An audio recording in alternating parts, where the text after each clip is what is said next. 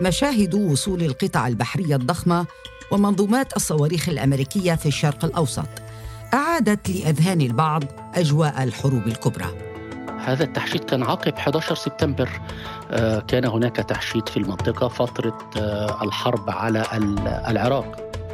ليست قطعا بحرية فحسب طبعا هذا فضلا عن قوات من المارينز قوات من الجيش فضلا عن المقاتلات وأيضا منظومة ثاد وعدة أو بطاريات باتريوت إرسال هذه التعزيزات الضخمة للمنطقة بدأ بعد ساعات من هجوم حماس على إسرائيل في 7 أكتوبر. تقول واشنطن إن الهدف منها هو الردع ومنع توسع الصراع. We are worried about the potential escalation and widening of this conflict. We don't want to see any actor, be it a state actor like Iran or another terrorist group like Hezbollah, widening this conflict, opening up additional fronts. ما هي هذه التعزيزات؟ وما هي القدرات العسكرية والتقنية لها؟ ما الأسباب الحقيقية التي دفعت البنتاغون لإرسالها؟ أنا انتصار يونس وهذا بودكاست زوايا من سوا بودكاست.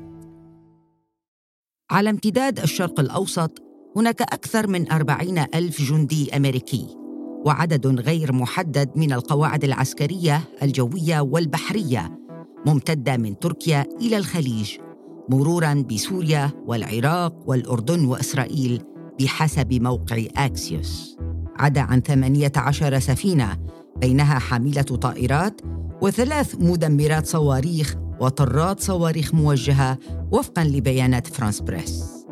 لكن وبعد ساعات فقط من هجوم حماس على إسرائيل في 7 أكتوبر دفعت الولايات المتحدة بتعزيزات أخرى ضخمة منها حاملة طائرات القرار اتخذ بسرعة فكيف يبرره البنتاغون؟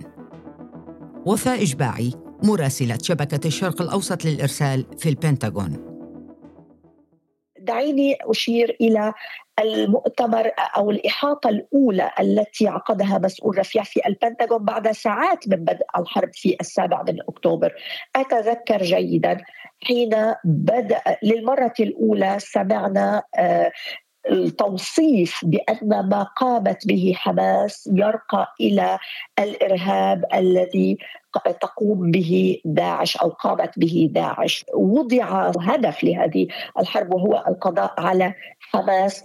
التي باتت في نفس مستوى الإرهاب بحسب التوصيف الأمريكي لتنظيم داعش. وبالتالي كان لابد من التحرك بسرعة للتعامل مع هذا المستجد الأمني والعسكري آه، كدعم اولا لإسرائيل كحماية للقوات الأمريكية وردع أي دولة آه، أو جهة مثل إيران الحوثيين أو حزب الله من التورط في الحرب. سألت وفاء عن طبيعة هذه التعزيزات وقدراتها. هي قوى ضاربة قادرة على خوض حرب بكل ما للكلمه من معنى.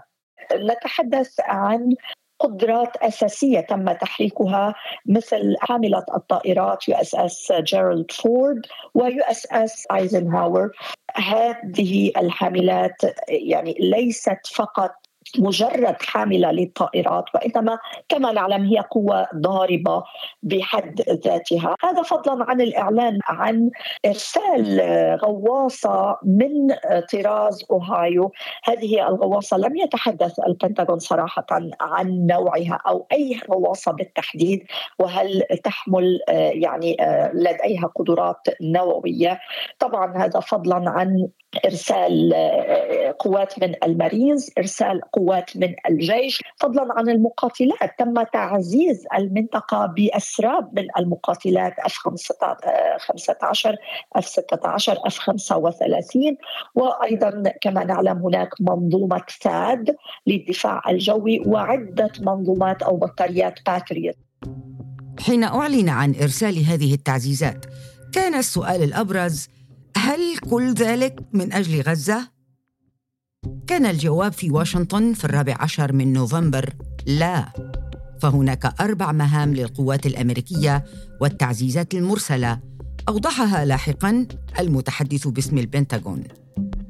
تتحدث عن أربعة محاور. أولا حماية القوات الأمريكية العاملة في المنطقة. ثانيا ضمان آه، استمرار تدفق المساعدات العسكرية لإسرائيل. ثالثا تنسيق الجهود مع الإسرائيليين لإطلاق سراح الرهائن أو المختطفين لدى حماس بمن فيهم طبعا الأمريكيين. ورابعا تعزيز قدرة الوجود العسكري الأمريكي في المنطقة من أجل ردع آه، أي جهة أو أي دولة آه، تحاول ربما أن تصعد الصراع. وأيضا يعني كان هناك تخوف وهذا ما حدث بالفعل أن يتم استهداف القوات الأمريكية في القواعد إن كان في العراق وسوريا. دعني أشير إلى هذا الخبر العاجل الآن. مسؤول أمريكي يقول نؤكد إسقاط الحوثيين. مسيرة تابعة للقوات الأمريكية فوق المياه الدولية قبالة سواحل اليمن. لحظة حديثي مع وفاء. كانت أربع جبهات مرتبطة بإيران مشتعلة. عدا عن غزة حزب الله في لبنان يناوش إسرائيل على حدودها الشمالية والحوثيون يسقطون مسيرة أمريكية. والميليشيات التابعة لإيران تستهدف القواعد الأمريكية في سوريا والعراق. ونحن نشهد منذ السابع عشر من أكتوبر آه، آه، ازدياد بوتيرة الضربات والهجمات التي تتعرض لها القوات الأمريكية في العراق وسوريا. وطبعا آه، يعني البنتاغون رد على على هذه الهجمات بغارتين على منشأتين في آه، البوكمال في سوريا وأيضا يقول البنتاغون أنه يحتفظ بحق الرد آه، في الزمان والمكان المناسبين. كانت شبكة ABC قد نقلت عن مسؤولين أمريكيين قولهم إن البنتاغون أمر بإرسال حاملة الطائرات آيزنهاور للانضمام إلى حاملة الطائرات فورد. إرسال حاملات الطائرات على وجه الخصوص أثار شكوكا لدى بعض الدول والجهات حول هدف أمريكا من هذه التحشيدات. أمين عام حزب الله المرتبط بإيران لمح لاستهداف السفن الأمريكية. تقول رويترز إنه يملك صواريخ روسية تمكنه من تنفيذ تهديده. وفي تركيا التي ترتبط بعلاقات جيدة مع حركة حماس تساءل رئيسها ماذا ستفعل حاملة الطائرات الأمريكية؟ وأيضا روسيا التي لديها قاعدة عسكرية كبيرة على شواطئ المتوسط في سوريا قال رئيسها فلاديمير بوتين لماذا حركوها؟ بحسب المسؤولين في البنتاغون. عندما يعني تم توجيه مثل هذه الأسئلة هل الولايات المتحدة بصدد التصعيد؟ لذلك تم تحريك مثل هذه الحاملات. كان الجواب كلا الولايات المتحدة لا تريد التصعيد. الجملة التي يرددها المسؤولون في البنتاغون بشكل يومي تقريبا الولايات المتحدة لا تسعى إلى صراع مفتوح في المنطقة ولكن هاتين الحاملتين آه، هما عبارة عن قواعد عسكرية عائمة. يعني كل حاملة منها آه، يعني إن كانت آيزنهاور أو فورد هي عمليا آه، قوة ضاربة بحد ذاتها لديها أسطول معها من القطع البحرية العسكرية وأيضا تحمل طائرات آه هذه الطائرات أو المقاتلات يمكن تحريكها بسرعة آه فائقة عندما تستدعي الحاجة. أيضا هي آه، على متنها الآلاف من البحارة والعناصر آه، يعني القادرين أيضا على التدخل. فضلا عن القدرات بإطلاق الصواريخ وبالتالي كان لابد من تحريك هاتين الحاملتين. لتوجيه الرسالة القوية والواضحة للحلفاء والشركاء قبل الدول المعادية إذا صح التعبير كما يؤكد أكثر من مسؤول في البنتاغون كيف للحلفاء والشركاء؟ على اعتبار أننا نحن هنا قادرون على التعامل مع أي مستجد أو أي طارئ آه، وللدول المعادية أو الجهات المعادية نحن هنا سنرد ونملك القدرة الرد آه، قدرة الرد سريعا على أي تهديد يطال قواتنا في المنطقة. وهذا ما شاهدناه في السادس والعشرين من أكتوبر عندما ردت أو استهدفت القوات الأمريكية منشأتين تابعتين للحرس الثوري الإيراني في آه، سوريا. عام 1967 فتحت إسرائيل ثلاث جبهات مرة واحدة. وتمكنت من انتزاع واحتلال غزة وسيناء من مصر والجولان من سوريا والضفة الغربية من الأردن. وقتها كانت الأجواء في المنطقة متوترة مثل الآن لكن لم يكن هناك تواجد عسكري أمريكي مباشر في الشرق الأوسط. وفاء في حال اندلعت حرب أو تورطت أطراف إقليمية ربما تفتح ست جبهات. هل تستطيع هذه القدرات مواجهة أربع خمس ست جبهات في آن واحد؟ الجواب على لسان المسؤولين في البنتاغون. الولايات المتحدة تملك أقوى جيش في العالم. أكثر جيوش العالم تنظيما وتجهيزا والجهوزية كاملة.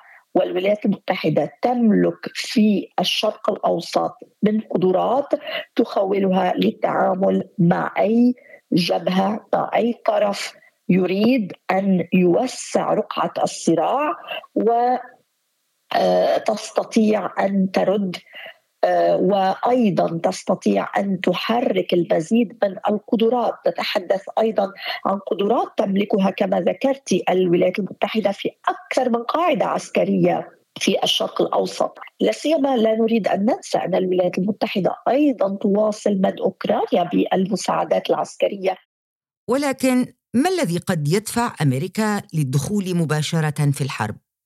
يعني في الحقيقة في إحاطة غير مصورة تم توجيه هذا السؤال للمتحدث باسم البنتاغون بات رايدر حول الخط الأحمر أو الخطوط الحمراء التي قد تعتبر الولايات المتحدة أن تجاوزها سيدخلها في هذه الحرب الإجابة كانت لا نريد أن نتحدث عن سيناريوهات مستقبلية ولكن الجواب أننا جاهزون لخوض أي معركة إذا ما تعرضت مصالحنا وقواتنا لأي هجمات. طبعا القوات الأمريكية تتعرض وتعرضت بالفعل لمثل هذه الهجمات ولكن يعتبر البنتاغون أن الرد كان مدروس دقيق وأهم من هذا الحديث أنه يعني رد محدود لا يمكن أن يوسع دائرة الصراع. Let me say again to any country, any organization, anyone thinking of taking advantage of this situation, I have one word don't. Don't.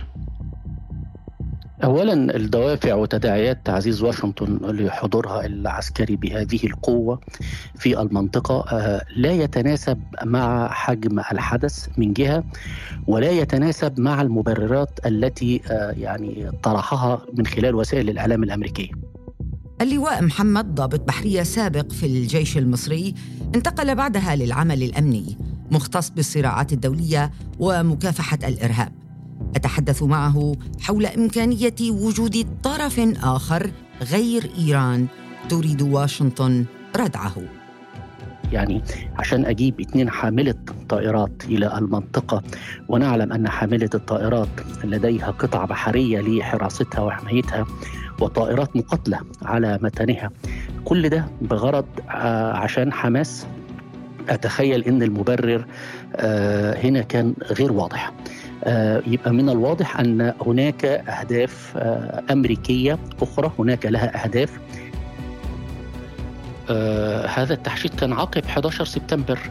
آه كان هناك تحشيد في المنطقة فترة آه الحرب على العراق. بعض التقارير فسرت التعزيزات الأمريكية بأن استعراض قوة البنتاغون عم بيقول إن للردع.